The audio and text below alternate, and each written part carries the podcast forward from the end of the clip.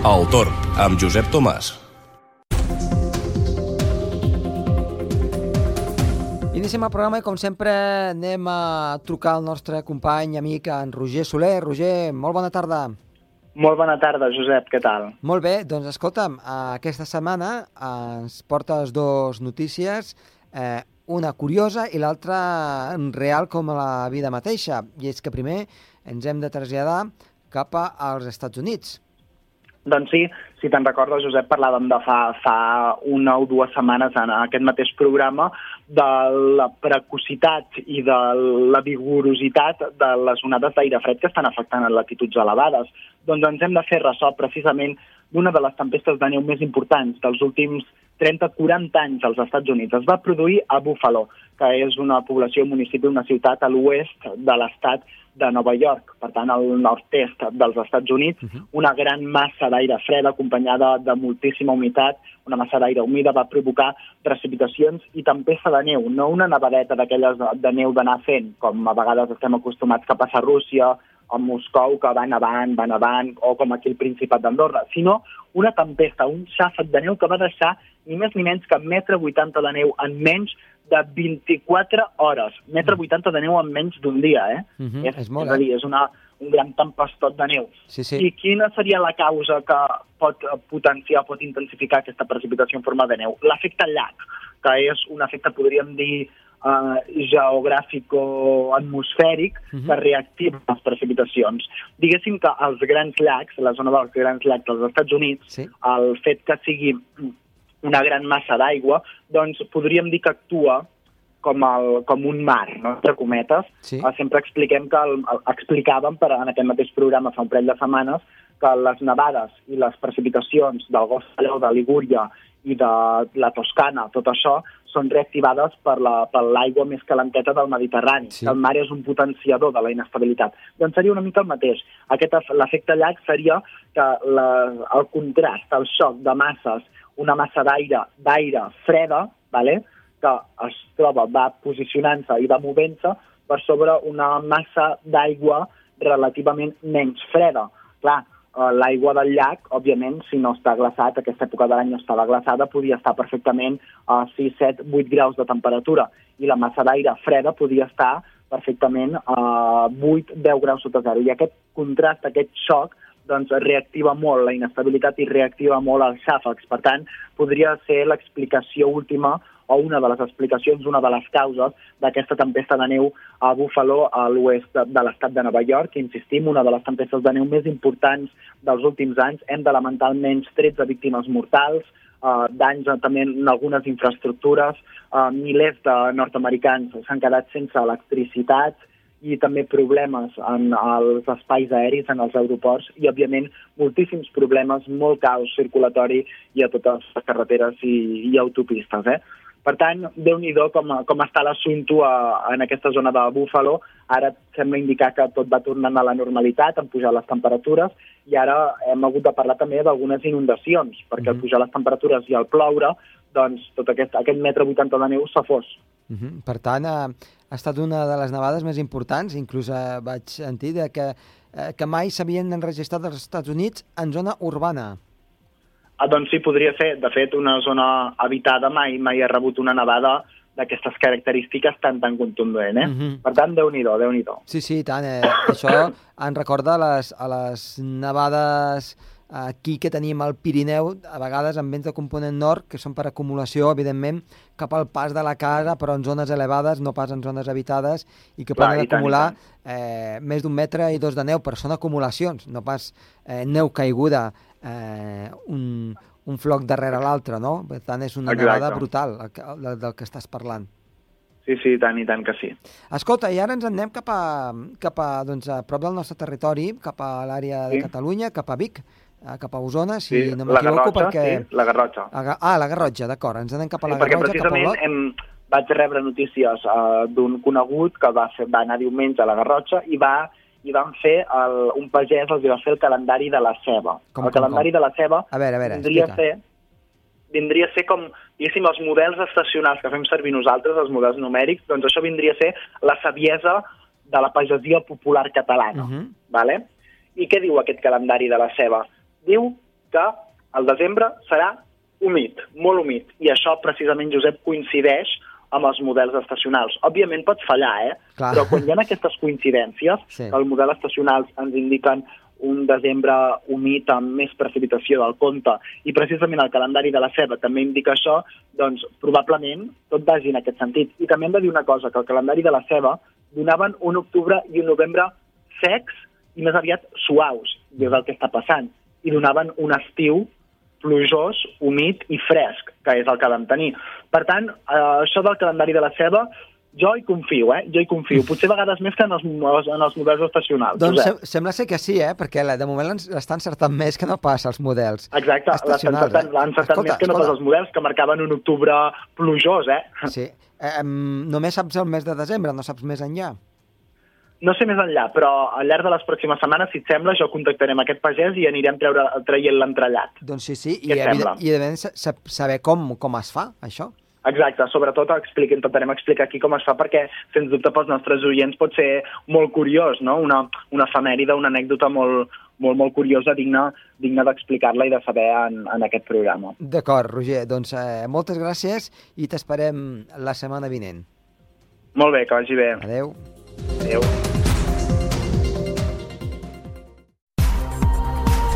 El torn amb Josep Tomàs.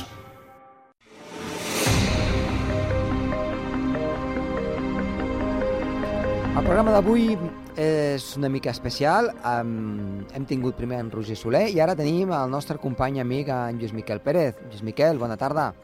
Hola, bona tarda, Josep. I es preguntaran el per què doncs, el trio de meteoròlegs d'aquesta casa doncs, eh, torna a sortir una vegada més aquí al programa Torp. I és que estem amb unes dates, eh, al llarg de l'any hi unes dates que són doncs, especials, són significatives, pel que pot significar eh, la meteorologia en un país en el qual, eh, afortunadament, la gent cada cop es dona més compte que la meteorologia és més important del que sembla, perquè nosaltres podem, fer els nostres plans, els nostres negocis, però al final qui mana és eh, doncs, el senyor del cel, el, el, el, el, el temps que pugui fer o deixar de fer. I és que, de fet, estem a les portes de poder obrir o no eh, de les estacions d'esquí, si ha de nevar o no ha de nevar, i de moment el que pintava doncs, eh, molt, molt bé a l'inici de novembre, doncs ha acabat sent eh, doncs un desastre en aquest aspecte perquè les temperatures han pujat. I per això volem parlar una mica amb el nostre company, en Lluís Miquel Pérez, doncs per fer-ne cinc cèntims, una mica de, de meteorologia,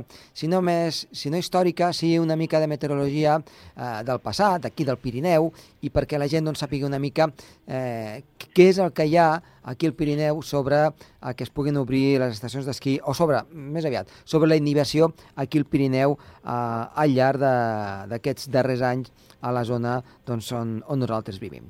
Lluís Miquel, doncs, eh, a veure, la primera pregunta seria, eh, és normal que hi hagi neu per poder obrir les pistes eh, en un inici de mes de desembre aquí a la zona del Pirineu on estem? Doncs podem dir que si mirem estadístiques, qualsevol mes de l'any nosaltres podem tenir nevades al, al Principat, fins i tot al mes d'agost. Lògicament, a ningú se li ocorreria després doncs, obrir pistes al mes de setembre. Des del punt de vista de tenir més neu, de tenir una neu de qualitat, una bona base de neu i una bona situació en quant sobretot a gruixos, tampoc és que sigui massa habitual que a finals de novembre tinguem quantitat important d'aquesta neu a pistes. Podem dir, Josep, que des del punt de vista potser econòmic, des del punt de vista, a més a més, doncs de voler obrir pistes, l'any 1990 va marcar un abans i un després. La gran nevada de la Puríssima del Principat d'Andorra. Com no, els que tinguin més de, allò, més de 24 o més de 25 anys, com no que no se'n recordin d'aquesta gran nevada que va afectar tot el país. Bé, sembla que allò va marcar, com us deia, una fita que a partir d'aleshores hi hagués d'haver sempre nevades a la Puríssima. Si mirem d'estadística, o si triem d'estadística, el mes de novembre ja és un mes en el qual va nevant al Principat, però molts anys no el suficient com perquè es pugui dir que una situació pugui ser bona en quant a obertura de pistes o com a mínim doncs, a l'engròs. Si sempre es poden obrir algunes pistes, alguns sectors d'algunes estacions de neu, però en qualsevol cas de neu al terra no n'hi ha massa encara, fins ben entrat el mes de desembre. Podem parlar que estadísticament és ja cap al Nadal, quan la neu és més important en quantitat i en qualitat al nostre país. Per tant, eh, el que mm, podem dir que és una, una casualitat eh, que ha vingut bé al llarg d'aquests darrers anys, no significa que hagi de passar sempre. Així és. De fet, podem, eh, podem pensar dues coses, una de positiva i una de negativa. Diem la, la positiva, doncs, eh, o millor dit, la negativa, en aquest cas, sobretot des del punt de vista social i econòmic, no? La positiva és que... La negativa és que no sempre eh, hem de tenir aquesta situació i això no vol dir que a partir d'ara no nevi més. És que també se'n parla que, home, com no hi ha neu a finals del novembre, com no hi ha neu pel pont de la Puríssima, això vol dir que serà una tendència de cara a les properes temporades que cada cop nevarà menys, cada cop nevarà més amunt i cada cop nevarà més tard. Hem de dir que això no hi ha cap mena de tendència que ho estigui doncs, confirmant ni desmentint. A hores d'ara doncs, el clima és molt fluctuant i que portem un parell de temporades que, o, o millor dit, aquesta temporada, que no hi hagi massa neu en aquesta època, no és sinònim que la temporada hagi de ser dolenta. La temporada uh -huh. coneguda des del Nadal fins al mes de març aproximadament. Uh -huh. Des del punt de vista mm, negatiu, en aquest cas, doncs eh, no sempre, no sempre hi ha neu en abundància per aquesta època.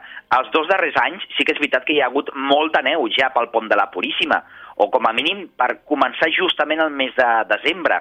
Ara ens falten pocs dies pel desembre i de neu n'hi ha ben poca. Per tant, tampoc és que sigui normal el fet que a mitjans del mes de novembre es pugui estar parlant d'obrir pistes, quan estadísticament, ja us dic, que ben bé fins al 15-20 de desembre no hi ha les nevades més contundents al país, normalment. Per tant, eh, és una situació eh, d'irregularitat, el que doncs, eh, tenim aquí el Pirineu, sempre ho hem parlat, sempre ho, ho, ho heu estat també comentant, que el Pirineu, eh, degut al Mediterrani, degut a tots els centres d'acció que li puguin, eh, se li puguin doncs, aplicar en aquesta àrea en la qual conflueixen, doncs, eh, tenim dos, dos mars, el mar Cantàbric, amb l'oceà Atlàntic al darrere, el mar Mediterrani, eh, del nord i del sud, ens, els vents també ens poden afectar amb els diferents factors que després puguin influir. Per tant, la, la irregularitat és una característica de la nostra zona eh, pireneica mediterrània, podríem dir. Sí, sí, sí, de fet, a, ens hi hem d'acostumar. A veure, nosaltres podem proposar, els homes podem fer uh, idees, podem tenir negocis entre mans, però si la natura està pel mig, qui acabarà jutjant tothom serà aquesta mateixa natura. Enguany ens, ens està passant. Volíem obrir, obrir pistes gairebé més aviat que mai i la natura no està del nostre costat. Uh -huh. Això vol dir que hagi de passar sempre i per tant haguem de pensar en obrir el mes de gener? No, potser la setmana vinent mateix tindrem molta neu i la campanya de la Puríssima seria perfecta. Ara per ara, fins i tot, eh, ja ho podem comentar si vols, Josep, sí. ara per ara els mapes no estan... Eh, o sigui, van de la mà dels que vulguin tenir neu de cara al mes de desembre. Però, com molt bé comenta, som en una mena de trobada de masses d'aire, de vegades són molt càlides, de vegades són massa fredes, estem en una latitud en, un, en la qual doncs, poden anar doncs, batallant aquestes masses d'aire i poden haver inicis de temporada molt bons i inicis de temporada molt dolents. A mi em ve al cap ara mateix, Josep, per exemple, la temporada del 2006 al 2007, o la temporada del 89 i el 90. Mm, no pas del 90-91, sinó 89-90 dos de, du- dues temporades en les quals l'aire càlid va ser omnipresent cada dia i l'absència de nevades també, i van ser dues temporades desastroses des del punt de vista econòmic. Enguany no té pinta que això hagi de passar. Uh -huh. Per tant, eh, aquests nervis inicials eh, els podem atribuir eh, a un factor més aviat social i, i de tema doncs, de, simplement empresarial en el qual Sí. s'ha s'ha invertit molts diners eh, es juguen tots al, al, al, a la fitxa vermella i, i tenen por que surti la negra. Més aviat és això, no? És, un, és una ruleta. Sí, és el que dèiem. eh, Nosaltres, els humans, eh, els negocis, les empreses, hem proposat començar el dia 29 de novembre, almenys enguany, i la natura ha, doncs, ha decidit que de moment no hagi de ser el dia 29. Ara, això com sempre, Josep, eh, serveix perquè hi hagi moltes especulacions o perquè la gent pugui estar molt neguitosa, la gent, Mhm. els que tenen mono de neu i, lògicament, els que s'hi dediquen, Clar. perquè els hi va la vida, els hi va el negoci, els hi va la, la, la feina en, en, en tot això. Aquestes, eh, podríem dir, aquest, aquest neguit doncs, que ve de la mà de si això pot tornar a passar, si cada vegada nevarà menys, o com és que enguany no hi ha neu per aquestes dates, que si canvi climàtic, perquè es diuen veritables barbaritats Evidentment. a partir aquestes, eh, aquests episodis que són molt puntuals i que es van succeint al llarg dels anys. Uh -huh. El que dèiem, el 2006 va passar, el 89 va passar, el 2003 va passar. El 2003 va ser una temporada de molta, molta pluja a la tardor, però en canvi de molt poca neu. Mm, hem no hem d'oblidar una cosa, que encara som a la tardor i ben bé ens queda un mes de tardor. Sí. No ens estranyaria que encara poguessin haver-hi dies de suavitat. I tant, i tant, i tant que sí. Escolta'm, uh, anem a fer una mica de, de previsió meteorològica, si et sembla. Uh, primer...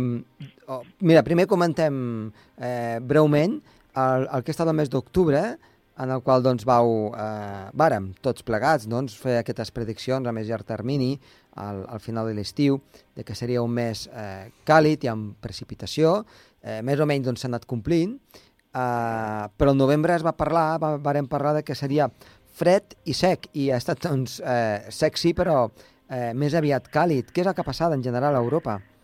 Sí, des del punt de vista de les previsions, la veritat és que és una bona, molt bona mostra, Josep, que les previsions a més d'un mes vista mm, no serveixen gairebé de res, Mhm. simplement. I parlant, doncs, a clar i català, eh, els mesos de juliol i agost ens donaven un mes de setembre i octubre doncs, bastant plujosos i cada cop més fresquets, i ja el mes de setembre ens donava el que tu comentaves, no? un mes de novembre més aviat sec, però sobretot molt fred. I s'està comprovant que de moment sí que ho està sent de sec el mes de novembre, menys les pluges d'aquesta mateixa setmana ha plogut poc aquest mes, i les temperatures, no cal dir-ho, que estan molt per sobre de la mitjana. Estem parlant de 4 o 5 graus per sobre de la mitjana. Què és el que està passant? Doncs és molt senzill d'entendre.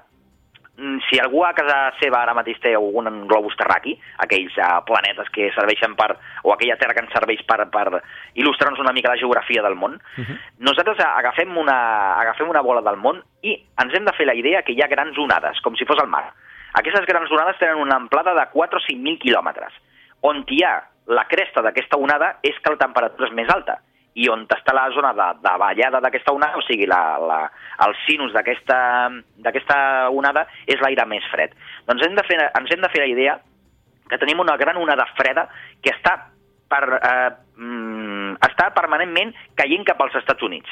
Allà tenen la part baixa de la onada. Per tant, ens hem de fer la idea que nosaltres estem sobre la cresta, sempre sobre l'aire més càlid, que és el que estem tenint. Fins que als Estats Units, perquè ens fem una idea, si algú viatja o si algú li agrada saber quin temps fa als Estats Units, mentre veiem que Nova York està fent fred i nevant, aquí a Europa no, no tindrem fred ni ens estarà nevant. Sembla que les properes setmanes aquesta onada s'anirà movent i, per tant, la cresta de la onada se n'anirà més cap a la banda de la Mediterrània enllà i a nosaltres ens podrà tocar la part més freda. Bueno, estem a aquesta de A, l'onada. a, a, a grans trets seria doncs, allò, com unos, unes grans onades d'una gran mar de fons enmig del Mediterrani. Mm -hmm.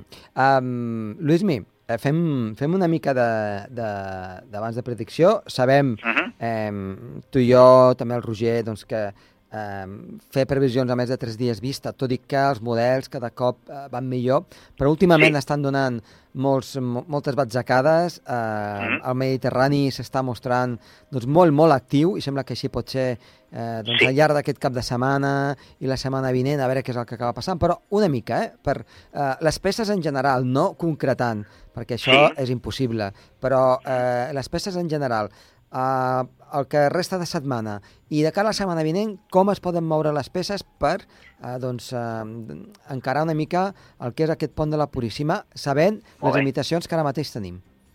Doncs mira, uh, perquè la gent tingui una idea ja general, una bona temporada de la Puríssima, una bona temporada de neu, per tant, no precisament aquest cap de setmana, però sí cap de setmana potser vinent, és que una pertorbació es col·loqui al nord d'Itàlia.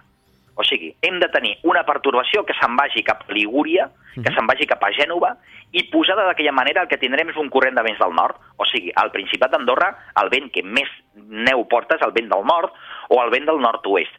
Si és un vent del nord-est o de llevant, pot nevar també molt, però a cotes més altes. I sobretot ara ens interessa, Josep, que nevi fins a baix de tot de pistes. Sí, sí. Per tant, és una situació de vents del nord la que ens portaria a aquesta situació eh, més, eh, més nivosa i, per tant, perquè hi hagi vents del nord, la pertorbació s'ha d'anar a Ligúria. Si més no- si més en, no- en aquesta zona de Gènova. Sí, si més no, Luismi, eh, una cosa que és interessant eh, i que ens han comentat és que, eh, eh, si més no, que baixen les temperatures perquè així Sí.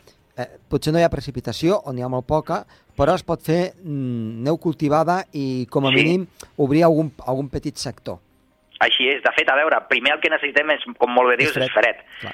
I després la precipitació. Sempre és molt millor que ens nevi amb temperatura baixa i hi hagi una gran nevada, perquè a més a més de bona quantitat de neu tindràs una qualitat alpina perfecta. Mhm. Una neu pols, eh, verge, perfecta per començar a obrir pistes.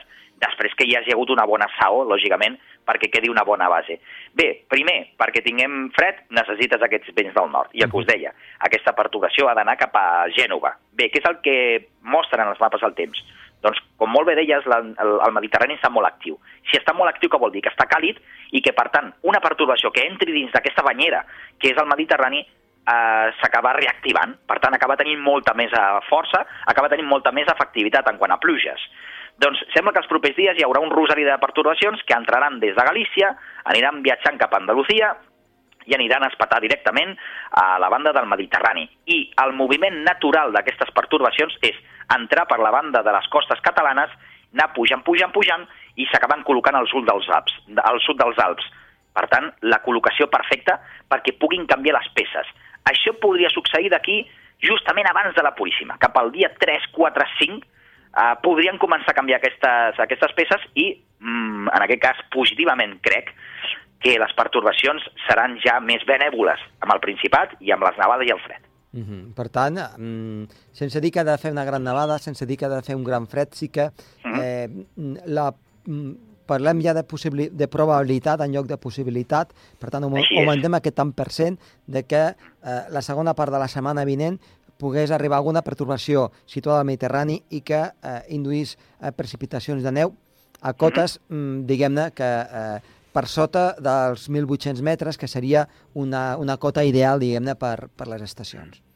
Així és, si tu em preguntessis o si algú, en, si algú em preguntés doncs mira, com m'ho veus per aquest cap de setmana perquè hi hagi molta neu, imaginem a cota 1.700 del grau roig, Mm. doncs et diré malament, malament, perquè és que de fet ni de neu cultivada se'n podrà fer, perquè l'ambient seguirà sent suau per les dates, i tan suau com que no gela, no, no tenim temperatura pròpia Entenc. perquè es pugui fer neu produïda. Ara, si tu em preguntes, o si algú em pregunta, com veus la Puríssima? Uh, no sé si uh, hi haurà un mig metre de neu a la cota 1700 o si haurà nevat un metre a Sant Julià de Lòria. Mhm. Però sí que és veritat que la percepció i mirant mapes, els canvis de, de peces en aquest joc d'escacs hi seran.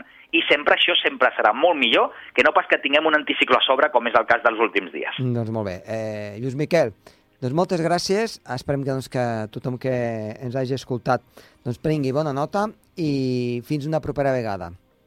Aquí serem, anirem seguint fil per randa, sobretot pels, pels interessos del país i pel neguit que està suposant tot això de l'obertura de pistes. Esperem que s'acabi aviat.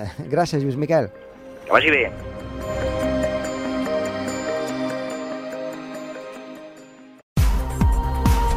El Torn, amb Josep Tomàs.